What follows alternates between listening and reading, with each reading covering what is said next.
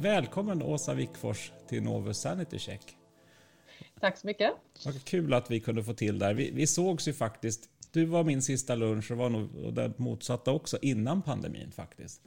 Ja, har... jag, jag, minns att jag var lite tveksam, men det var så trevligt att träffa dig så jag kom i alla fall. ja, exakt. Jo, men det var verkligen lite konstigt där, men det var ju, ja, det var ju faktiskt innan det var.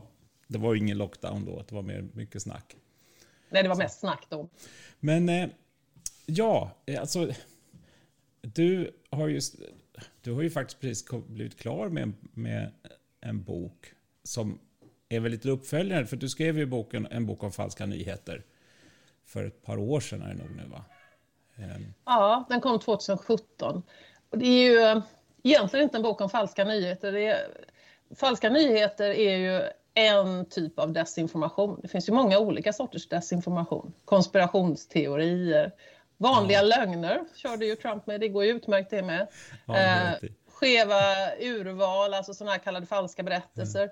Mm. Eh, bilder kan användas för desinformation. Så falska nyheter är bara ett exempel, men de var ju mycket på tapeten då när jag skrev därför att Eh, det var en ny form, eller det var det egentligen inte, fanns på 1800-talet redan när tidningarna kom. Men, det, men det, det, var ett billigt sätt att sprida falska påståenden i nyhetsform. Och, på, och vad som var fiffigt med det naturligtvis var att vi människor är väldigt vana att vi får vår information om samtiden från nyheter. Och vi har ganska stor tillit till allting som liknar en nyhet.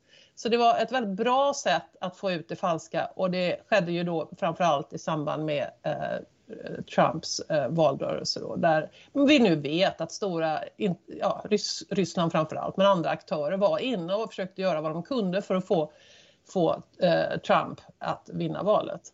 Och det finns ju forskning som tyder på att eh, det är mycket möjligt att det, här, att det var avgörande också. Så att eh, det, på grund av det så pratades mycket om falska nyheter då. Det var nytt, man kunde göra det digitalt snyggt, det kunde spridas snabbt och det fick stor effekt.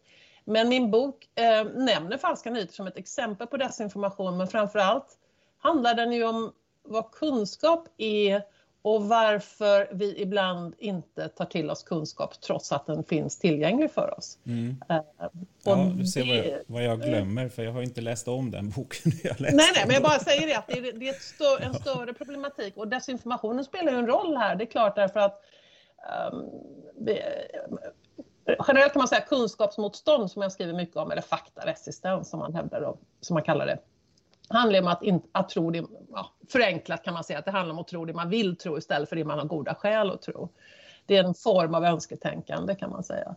Och, men det är klart att den kan eldas på av desinformation. Då behöver, ja, men det är något jag verkligen vill tro. Det finns massa falska påståenden där ute som, som stöder den övertygelsen jag har. Om det nu handlar om klimatförändringar eller brottslighet eller invandring, om jag då kan plocka in den här desinformationen som verkar ge stöd för min, min övertygelse så, så stärks min övertygelse ytterligare. Där. Så, så, att, så att desinformationen samverkar med de här psykologiska mekanismerna som finns inom oss alla. Kunskapsmotstånd kan hända vem som helst på ett väldigt farligt sätt. Och det är det boken handlar om kan man säga, hur de här interna psykologiska mekanismerna samverkar med ett allt mer opolitligt informationsklimat där bland annat falska nyheter och mycket annan desinformation cirkulerar också. Och gör att människor tror det falska eller det ogrundade istället för att ta till sig kunskap. Mm.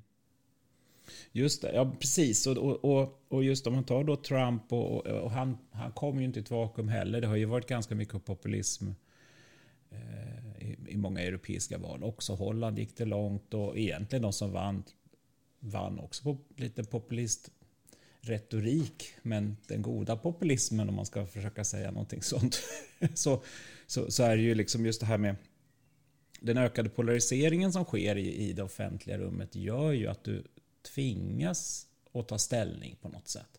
Och om då motståndarsidan kopplas ihop med, med ett antal negativa epitet så spelar det inte så jättestor roll om din sida är helt sanningsenlig för försvarar mot någon som kanske upplevs ljuga mer. Ja, nej, men det där är ju precis en av mekanismerna bakom kunskapsmotstånd, det är det man kallar för stamtänkande ibland. Då. Där, där faktaövertygelser blir viktiga för min politiska ideologiska grupp. Och eh, det blir liksom en identitetsmarkör för, för vår grupp. Så här tror vi om, om vaccin, brottslighet, eh, klimatet och sådär. Och kommer det då forskning som visar att det där är fel, då vill man inte ta till sig den forskningen för då känner, då blir, känner man sig hotad. Så det, det där är ju en av mekanismerna. Eh, och det är klart att den typen av kunskapsmotstånd den förstärks ju i ett starkt polariserat samhälle. Och då kan man väl konstatera då att vad det gäller USA är det ju precis som du säger, det börjar ju inte med Trump utan den här polariseringen har eh, jag, jag, brukar dra till med att den börjar på 90-talet. Jag, jag, tror det finns viss evidens för det också. Det började ungefär när Clinton blev president och, och Newt Gingrich och hans, vad de hette nu, de, de hade någon appell där. De bestämde sig för att de skulle göra vad de kunde för att motarbeta honom då. Då blev det en, in, en inledning på en polarisering som man inte hade sett i amerikansk politik förut. Eh, som tog sig uttryck i till exempel att tidigare så när man hade en, en, en, ett förslag på en domare till högsta domstolen så röstade alla på republikaner och demokrater röstar på det andra partiets kandidat. Det, det, det liksom tog slut där och det var inte bara republikanernas fel. Demokraterna drev också det här. Så det blev, det, det, då började en polarisering i USA eh, så det, som har pågått i flera decennier och som ungefär samtidigt då, in, långt innan internet, så fick man ju de här betal-tv-kanalerna med, med egna nyhetskanaler som Fox News och så. Där man eh, hade en politisk agenda och drev den i nyhetsformat.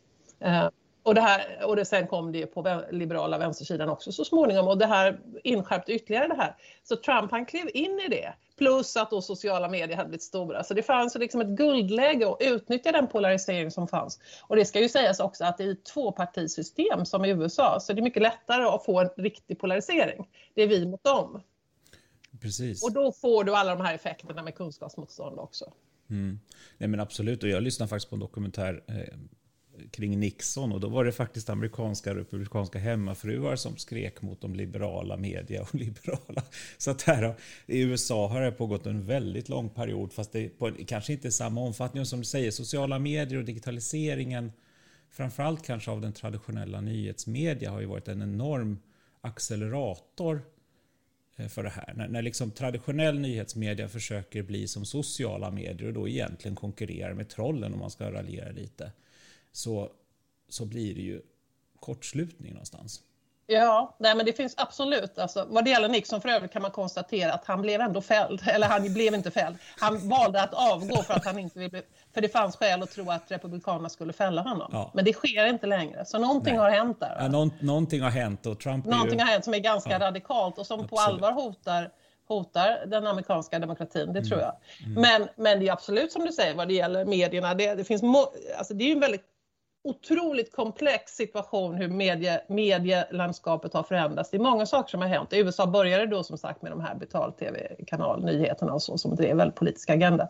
Men, men sedan när sociala medier kom så är det ju de här sakerna som hände är att plötsligt fick ju traditionella medier väldigt konkurrens och de tappade annonsintäkter. Lokaljournalistiken dog ut i stor utsträckning. Det är ett jätteproblem för demokratin för lokaljournalistiken är ett sätt för människor att känna att de kan påverka lite. De kan gå till sin lokala tidning, de kan klaga, det plockas upp av den lokala tidningen.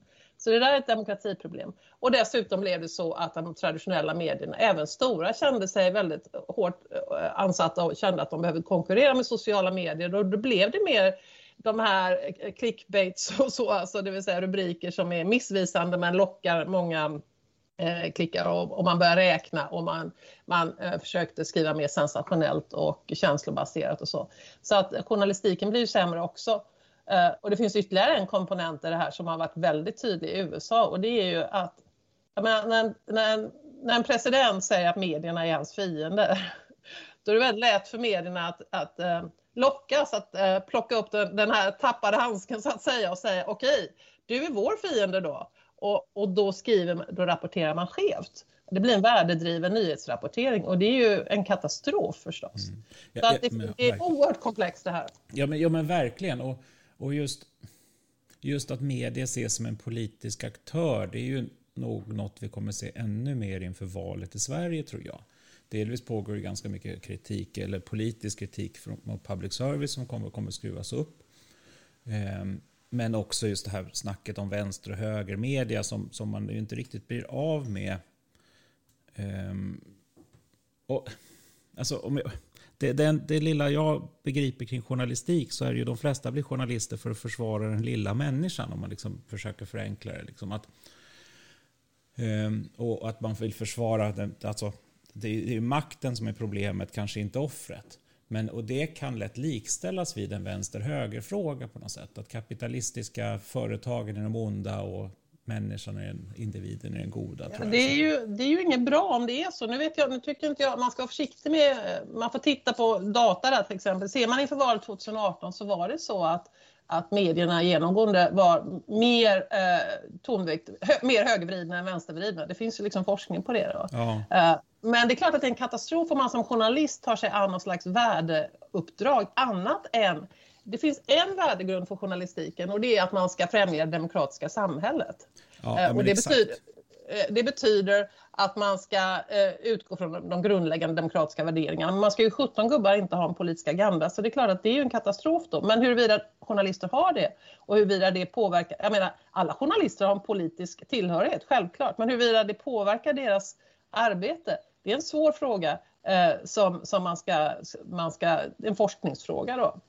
Och eh, man kan väl konstatera då att, eh, att eh, en, en trend i tiden och framförallt i USA som har pekats ut är just det här att man, skil, att man inte tillräckligt skiljer på news och views då. Det vill säga nyhetsrapportering blir mer, blandas ihop med kommentarer och analyser och på ett sätt som inte alltid är, är alldeles klart vad som är vad. Det är inte en bra utveckling. Utan det gäller att hålla isär det här väldigt tydligt och hålla sig till det som Erik Fichtelius, han har ju myntat det här begreppet konsekvensneutralitet. Eh, som bygger på, och det, det kom han, hittade han på när han var ekochef på, ehm, eh, vad var det, 80-talet? Ja, det var det väl. När, han, eh, när den här Boforsskandalen i alla fall, när man granskade det. Och då, då sades det ju att det där var ju väldigt skadligt för Sverige och svensk ekonomi och svensk allt möjligt. Eh, men han tyckte att det ska inte journalister bry sig om vilka konsekvenser rapportering får. Eh, utan de ska ta fram det som är sant och relevant. Och det är principen om konsekvensneutralitet. Då. Ja, eh, Båda de begreppen är ju knepiga, sant och relevant är svåra men det är ändå en, rim, det är naturligtvis en rimlig princip som ska ligga till grund för, för all nyhetsrapportering. nyhetsrapportering. Alltså ledarskribenter, de får, ju, de får ju vara vinklade för det är deras jobb. Då. Mm. Nej, nej, men, nej, men absolut. Det, och, och Eh,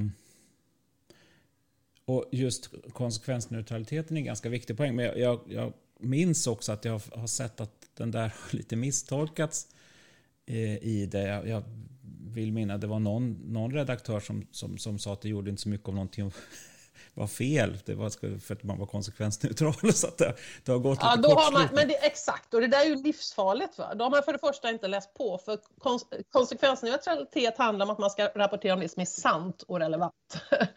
Eh, men, eh, och, det där, och det där hänger samman med det där som jag brukar prata rätt mycket om, falska balansen. Då.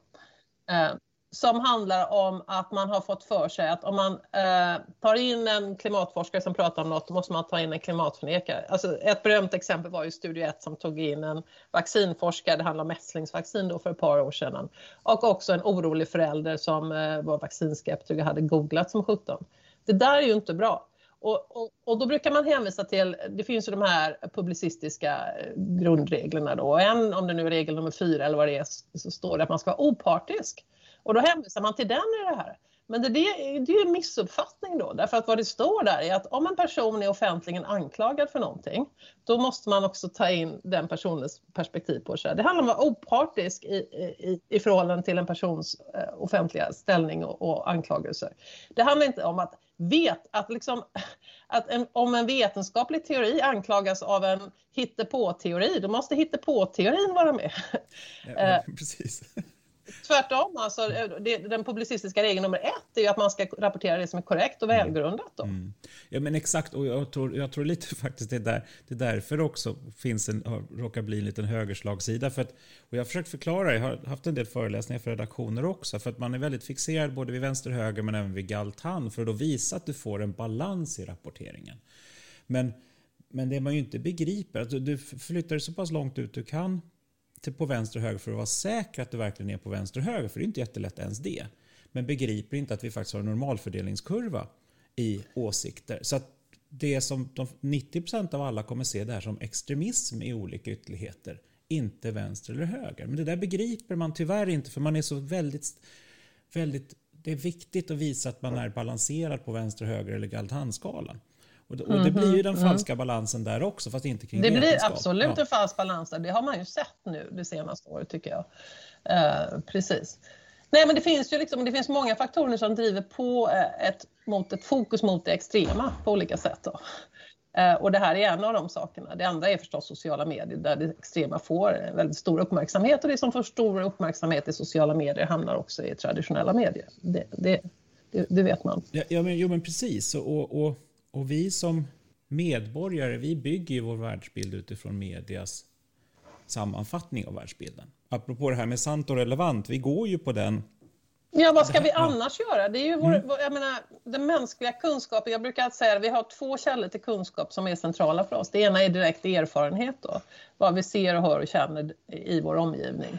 Eh, och det där är ju naturligtvis en, en viktig kunskap för att orientera sig i sitt liv och så. Men, och den har vi gemensamt med djuren. Men det allra mesta som vi vet om världen, om det nu gäller eh, politik och samhälle eller geografi och historia, och sådär, det vet vi ju inte från direkt erfarenhet utan det vet vi från källor av olika slag. Och när det gäller just samtiden så visar ju medieforskare att den i extremt hög grad formas av just eh, medier, mediernas rapportering. Vad ska vi annars göra? Det är ju därifrån den kommer. Så hur nyhetsrapportering ser ut är ju helt avgörande för vilken eh, verklighetsbild människor i ett samhälle får. Och det är därför också som det här är en sån svag punkt i en demokrati. Om man kan sabba det på något vis så kan man också påverka människors eh, verklighetsuppfattning på ett väldigt eh, fundamentalt sätt. Ja, men, jo, men precis. Och där är ju också, apropå att det måste vara sant och relevant, så tar det oftast lite tid att värdera det där. Och den där tiden har man oftast tagit bort i nyhetsrapporteringen. För du fokuserar väldigt mycket på livesändningar men kanske ännu då jobbigare utifrån det här vänster-höger diskussionen är att du försöker få en, en vänster-höger-balans i en debatt som ju då är i realtid. Eh, ja. Istället för att kanske ha en, en, ett bandad djup, djupare intervju med, med en makthavare där man kan komma tillbaka och försöka verkligen ge oss tittare Exakt. svar så är fokus på att få konflikten. Exakt, och det där är ju, det är ju väldigt frestande för det är så kallat bra tv, men debatter är ju döden i grytan tycker jag. Eh, jag tycker man ska ha det så lite som möjligt i, i den typen av medier som får stor räckvidd. Därför att en sån debatt jag menar poängen med en debatt, vad är det egentligen? Ja, men poängen är ju att ta reda på hur det är. Väga argument för och emot. Eh, och liksom försöka, och kanske man inte kan enas men man kan åtminstone göra väldigt tydligt vad liksom de centrala argumenten och övervägandena är. Men det, det händer ju aldrig i en tv-debatt att de sakerna kommer fram. Eh, utan där blir, det ju, där blir poängen dramatiken eh, och, och, det, och den underhållningen. Och det, det kommer ju aldrig tjäna ett kunskapssyfte, en sån debatt. Så jag tycker precis exakt så. Ta in, visst, intervjua människor, gör djupintervjuer eh, så man, där man är väl påläst som journalist så man kan ställa de svåra frågorna som den här forskaren eller politikern gärna vill undvika. Eh, det finns ju exempel på sånt på, på, på SVT och så också men, men allt för ofta tycker jag att det blir den där eh, underhållningsdebatten istället. Och den är direkt farlig för den skärper ju också in polariseringen. Alltså det finns två sidor, välj nu vilket fotbollslag hejar du på och sen håll dig fast vid det och lyssna inte på den andra sidans argument. Precis, och sen kommer en undersökning dagen efter i kvällstidningen om vem som var bäst. ja, fy för sjutton. Ja. Tack och lov har inte jag gjort den på länge. ja. Nej, men det, det, är ju så. så mer, men det är klart att det är, det är mer krävande journalistik. Det är billigt och kul att slänga in två personer och slåss. Ehm, det kräver ju inte så mycket påläsning och sådär. Eh, det är mer krävande journalistik att, att vara så påläst att man kan ställa svåra frågor till en vaccinforskare eller till eh, en eh, kriminolog eller vad det nu vara månde. Och eh, det, det, jag, har liksom, jag förstår att det är svårt att göra dagens läge när man är så pressad och man har få fast anställda journalister för man, man eh, har tappat annonsintäkter och så vidare. Det är en väldigt pressad situation så det finns ju många saker som gör att eh, medielandskapet är, inte, inte är hundra nu. Nej, men precis, men, och jag tror att faktiskt det finns en dimension till som egentligen man har landat i också. Och det, det har lite med, med, om man tar kommersiell media, att man inte få betalt för sina tjänster. Men det är också att man inte tror att nyheterna har en att det finns en betalningsvilja kring nyheterna.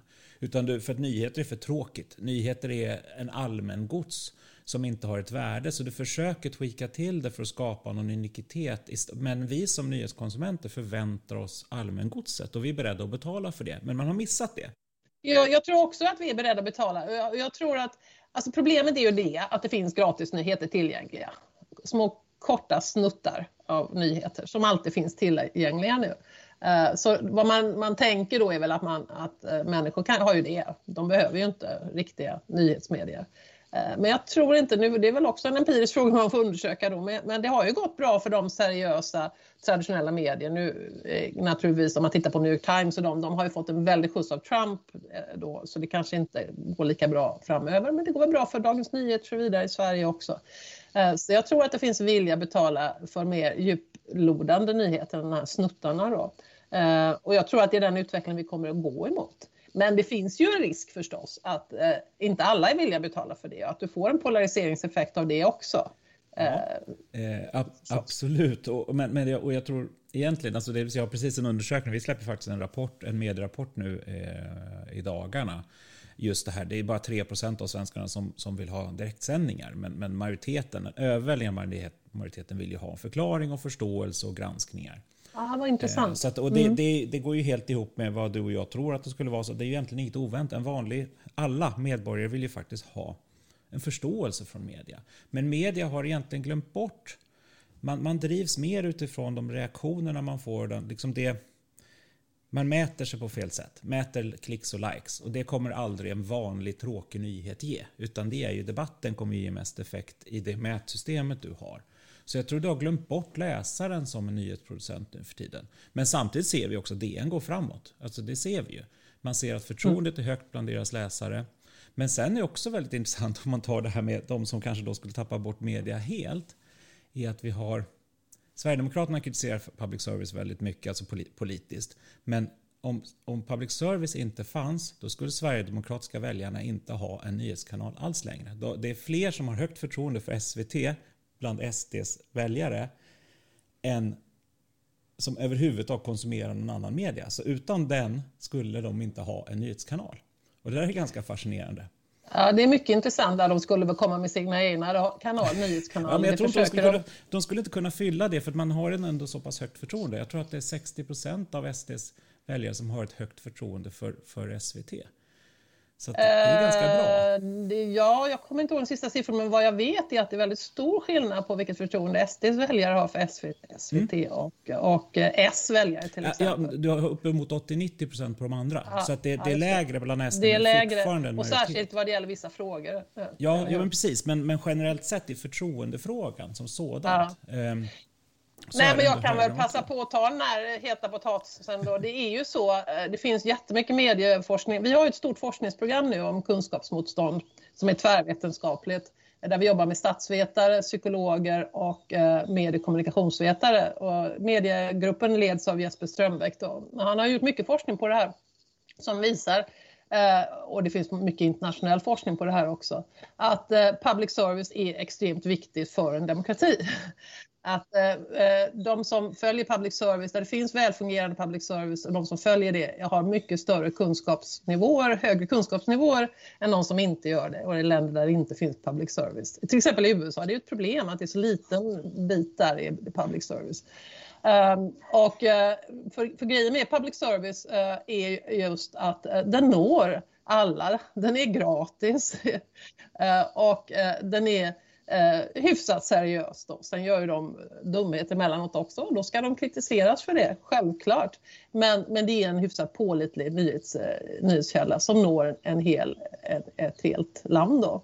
Eh, så att eh, det där ska vi vara extremt rädda eh, om och det gäller som verkligen, verkligen titta på vad forskningen säger om det här om man ska in och diskutera public service. Mm. Nej, men, absolut, och det, det, har också varit min förklaring varför varför, alltså populismen har ju kommit till Sverige också, det ska vi inte liksom sticka under stolen med. Och den, den är faktiskt inte i alla politiska läger just nu, där, där drivs mer av det. Men, men det kom mycket senare till Sverige än, än, än många andra länder. Men där jag också, min slutsats var också att vi hade en väldigt stor, stark, oberoende public service som inte försökte spela kvällstidningsspelet. Men mm. när man väl började göra det i Sverige och försökte jaga kvällstidningarna, det var då botten gick ur här. Det var då vi såg en backlash mycket kraftigare men också senare än i andra länder. jo, det, det, är nog korrekt, för det var precis så. Men du ska inte ja, men titta på vad, vad, vad hände, det här runt 2010, vad hände mer då?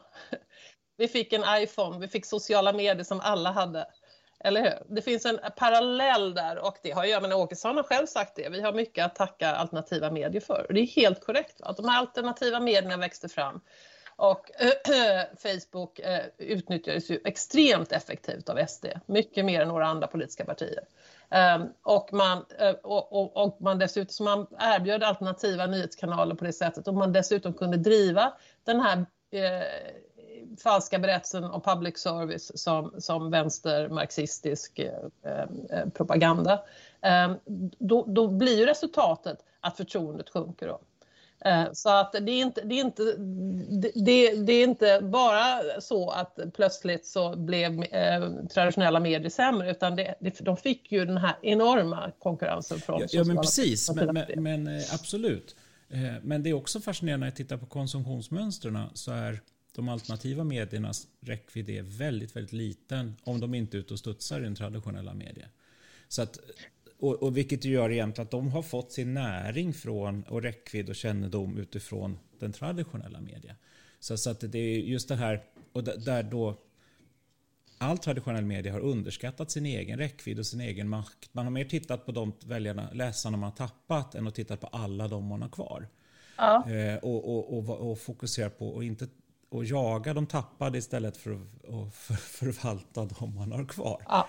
Och, och, det har gjort att det blev en konstig backlash och man har fått ett fokusskifte som blir skevt. Eh, så att det ser ut som en liten, liten grupp är mycket större än vad den faktiskt är. Ja, det tror jag också. Det tror jag är typiskt för hur sociala medier fungerar. Att man mm. säger det är en folkstorm ja. så är det hundra arga gubbar som... det, där, det där är väldigt farligt. Va? Det är en, farlig kom, eh, komponent i det här. Nej, men vi har just våra, det här Jesper Strömbäcks forskargäng i min, de har just tittat på hur eh, fejkade nyheter och konspirationsteorier får stor spridning. Och den riktigt stora spridningen inträffar först när traditionella medier plockar upp informationen. Då. Ofta görs det med ett gott syfte därför att man vill eh, eh faktakontrollera och sådär. Eh, men det hjälper ju inte alla gånger, särskilt inte i ett läge när folk har lågt förtroende för New York Times. Om New York Times går in och faktakontrollerar då, då blir resultatet snarare bara att aha, det där var en intressant teori, de har säkert fel. Eh, så att det där är väldigt komplicerat. Det är absolut den här svåra samverkan mellan många olika aktörer som gör att desinformationen får så stor spridning. Ja, ja men exakt, och just apropå det här med, med, med medias egna politiska agenda så, så, så hamnade det lite snett i, för man såg hotet från sociala medier och man såg en, en, en publicering på sociala medier som en konkurrerande publika, publicering. Med andra ord var det redan ute och då kunde man också ta ut, upp det. Så att ett Facebook-inlägg blev då likställas vid ett, en artikel i DN eller Svenskan i den publicistiska retoriken. Så då fick man en enorm utveckling, särskilt om det då var en statsminister eller en partiledare eller eh, president skulle jag säga, som, som som la upp det på, på sociala medier. Eh, då blev Twitter plötsligt en konkurrent, men man såg också det ekonomiska hotet från de sociala medierna som gjorde att man var en politisk spelare mot sociala medier. Så det blev superrörigt i, i eh, hur man såg på, på det skrivna ordet eller vilka publiceringar som gjordes som, som gjorde att det blev kortslutning. Men, men, men det där, det var något jag tänkte på. Jo, just det. det här med, med eh, jag gjorde någon undersökning 2017 kring då... Eh, för att, alltså, om man tittar på media som, som en aktör eller en politisk spelare eller om, om de ljuger eller inte ljuger så är det faktiskt det är eh, 56 procent här för mig var som, som höll med om påståendet att media medvetet skapar en bild som de själva vill visa. Så att det inte, handlar inte om att man ljuger utan man vinklar lite för att få det åt den här politiska slagsidan som man då tror att de redan har. Så att vänstermedia försöker få lite en vänsterslagsida i det man gör, höger får lite högerslagsida. Så att det handlar inte om direkta lögner utan snarare en lite mer medvetet skönmålning eller av samhället. Nej, men det där är ju en viktig poäng därför att eh, det, det, det var, vi började prata om fejkade nyheter, det är ju en typ av desinformation men, men eh, det finns ju mycket i det här som bara är skevheter av olika slag. Eh, och det där har ju säkert drabbat traditionella medier emellanåt. Nu tror jag att man ska återigen titta på forskningen. Då. Hur, pass, hur pass skev har rapporteringen varit vad det gäller negativa konsekvenser av immigrationen? Titta på det. Det finns ju forskning som säger att den inte var särskilt skev och sen finns det de som hävdar att den var väldigt skev. Så det där är komplicerat. Men gör man det, om man är rädd för att skriva om negativa konsekvenser av immigration, av immigration till exempel, det är ju inte bra. Ehm, eh, och då är man inte konsekvensneutral. Så, men det är en empirisk fråga i vilken stor utsträckning detta har skett. Ser man då till alternativa medier kan man ju säga att de, där är det extremt skevt. Där finns det ett par, tre ämnen som man återkommer till hela tiden och lägger upp. Och det handlar om eh, immigration, invandring och brottslighet i princip. Eh, och man kan ju, det är det jag har kallat för den falska berättelsen då. Man kan ju genom att bara rapportera saker som faktiskt har hänt Eh, kommunicera ett falskt budskap. Eh, eh, till exempel budskapet att alla invandrare är brottslingar eller all brottslighet utförs av invandrare eller att Sverige går åt skogen. Det går ju att göra det om man bara rapporterar en viss typ av nyhetshändelser och gör ett extremt skevt urval. Eh, men det är inte journalistik, det är mm. propaganda. Mm. Nej, men, och jätteviktig poäng, precis. För att den, den bästa lögnen är ju sanningen, en selektiv sanning. Exakt, och det är därför jag när jag definierar desinformationsbegreppet vill jag ha det, en definition som gör det möjligt att säga att det kan vara desinformation även när det man sprider är uttryckliga påståendet är sant. Och, men då går det ju eh. heller inte att faktakolla. Det är så att man faller ju, då faller Exakt. nästan. Mm. Vad som är så svårt med den här, med, med, att det finns massa exempel också från tiden, man kan ljuga genom att säga det sanna då. Eh, jag har några exempel i boken då. Eh, men man kan definitivt eh, kommunicera det falska genom att göra ett skevt urval till exempel. Och hur faktakontrollerar du det? Ja, du kan gå in och säga, men alla de här sakerna var ju sanna. Ja visst, men ni missar ju, ja vadå? Um, och vad, vad, som saknas då förstås är komplexiteten i en verklighetsbeskrivning.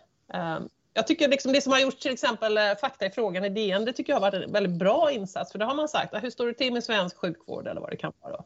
Där man tar in alla fakta, både det som visar att det är bra, det som visar att det är dåligt, liksom hela komplexiteten och, och sätter den i en kontext. Det krävs liksom god journalistik. Det är ingenting man gör med en enkel faktakontroll. Du kan inte falskstämpla den falska berättelsen. Det är det som gör den så lurig. Ja, men, exakt, och då kommer jag egentligen tillbaka till förtroendet för avsändaren. För att om man tittar på, på, på nyhetskonsum eller allmänt en medborgare som sådant måste vi, vi kan ju inte sätta oss in i allting. Vi måste ju lita på avsändaren och lita på att avsändaren inte försöker ljuga för oss. Men, men i en värld där, där det utmålas som att alla ljuger hela tiden, då blir man ju väldigt fort vilsen.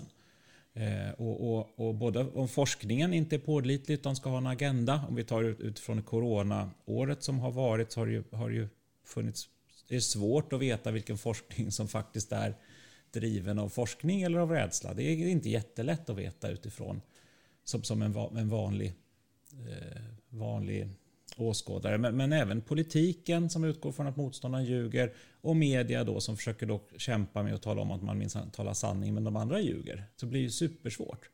Mm.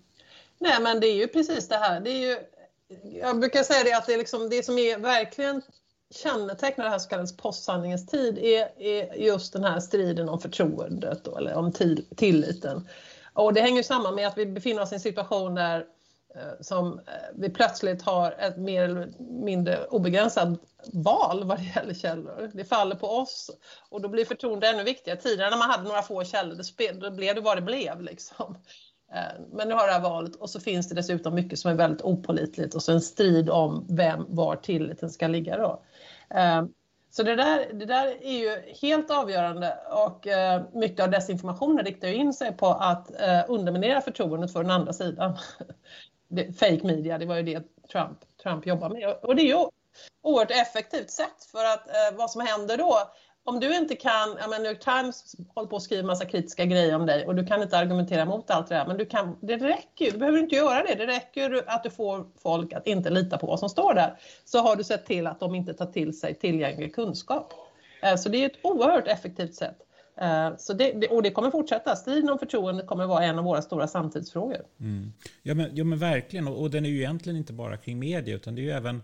Jag brukar, lite för att provocera politiker också, men att säga vad är det i politikens kommunikation som visar att de inte är dumma i huvudet?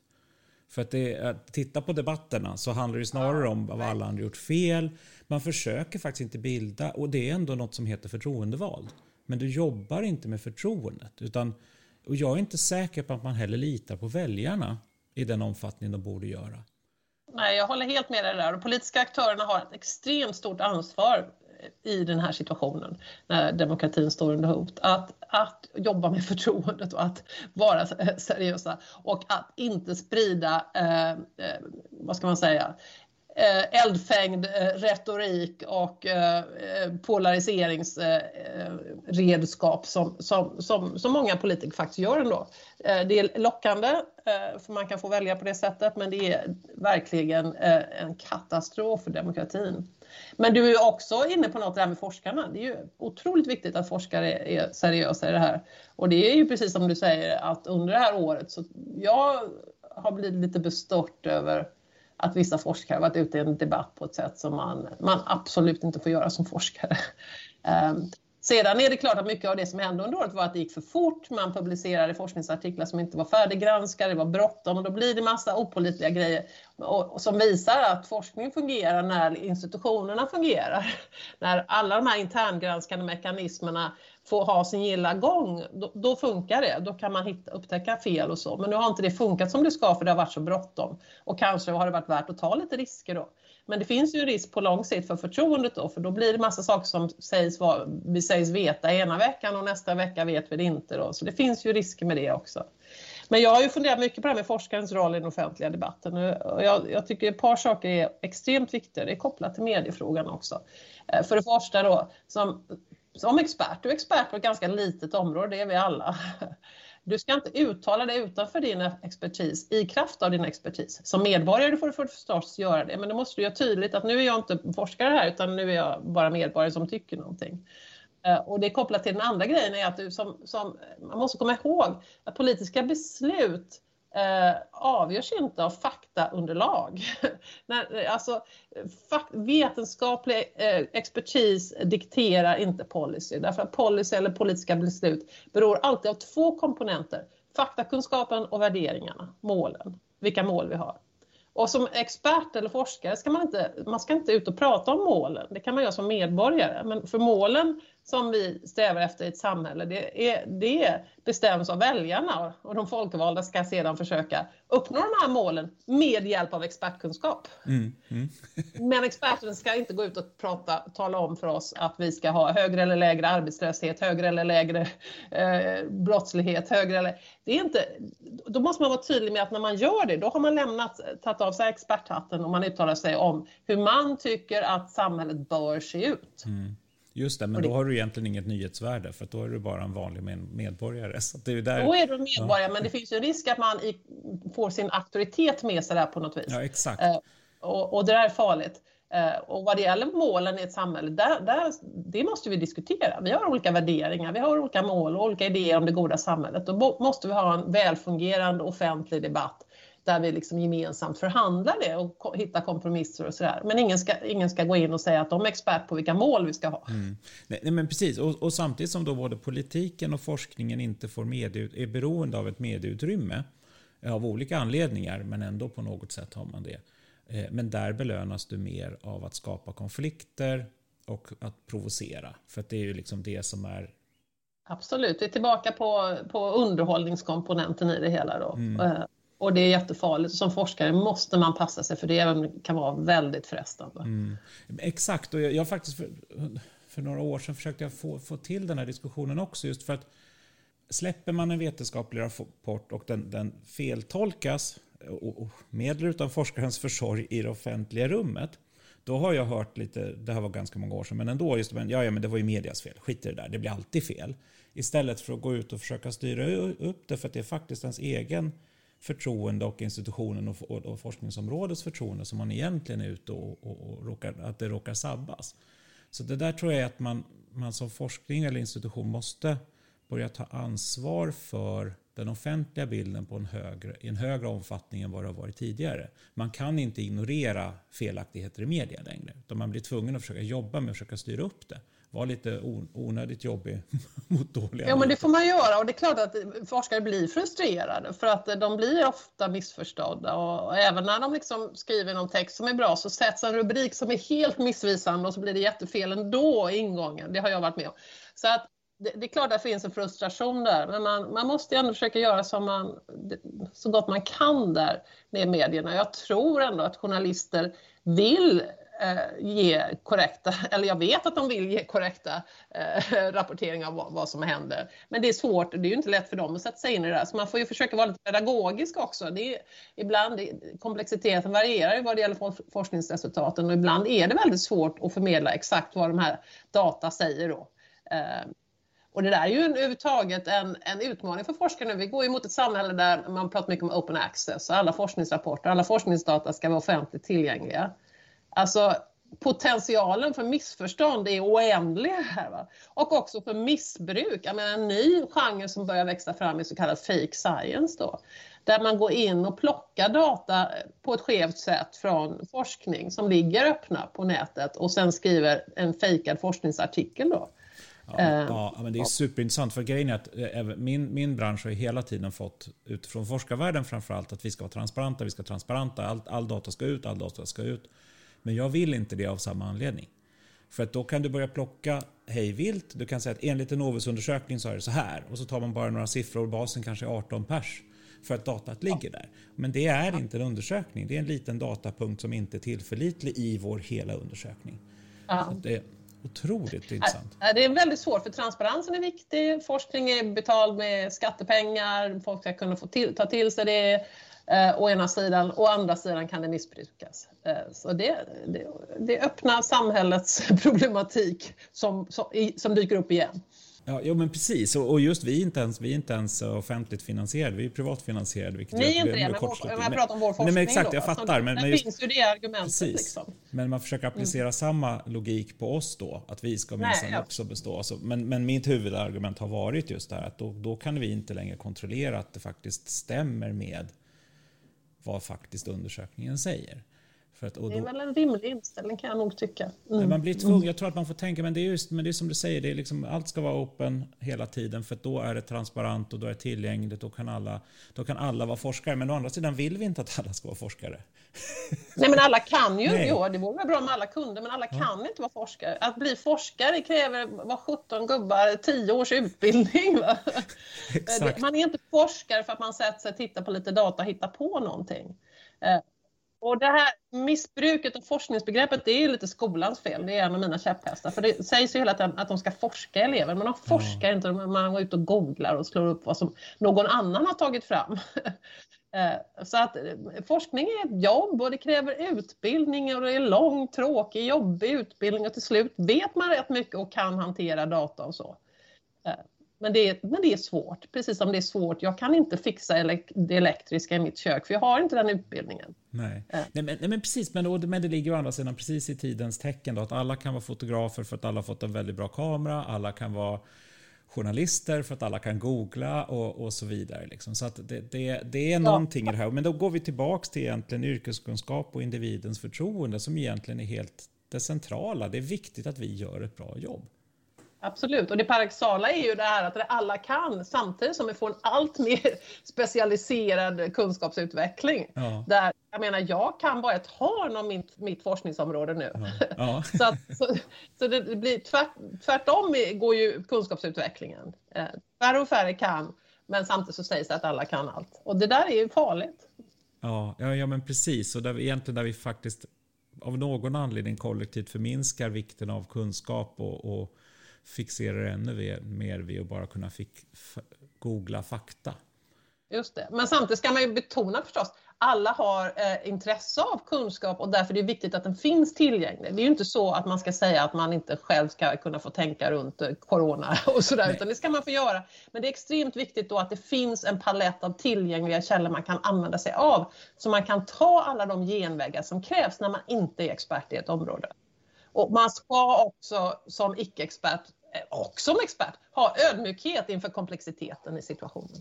Ja, ja men exakt. Och, men, men just det här som du sa då att, att, att googla på, på forskningsrapporter innebär att man forskar. Det är ungefär som att, att du likställer även att du har kunskap i ett ämne bara för att du har fått tag på en massa fakta. Det är ju inte så. Nej, det är inte så. Det är det som det är det farliga nu. En liten spekulation jag hade i min förra bok var det här. Av, ja, har det, nätet lett till att vi har mer eller mindre kunskap? Det är en hopplös fråga för vi kan inte räkna antalet övertygelser. Men min lilla spekulation var då att nätet har lett till, på sätt och vis har vi fått massor med mycket mer kunskap.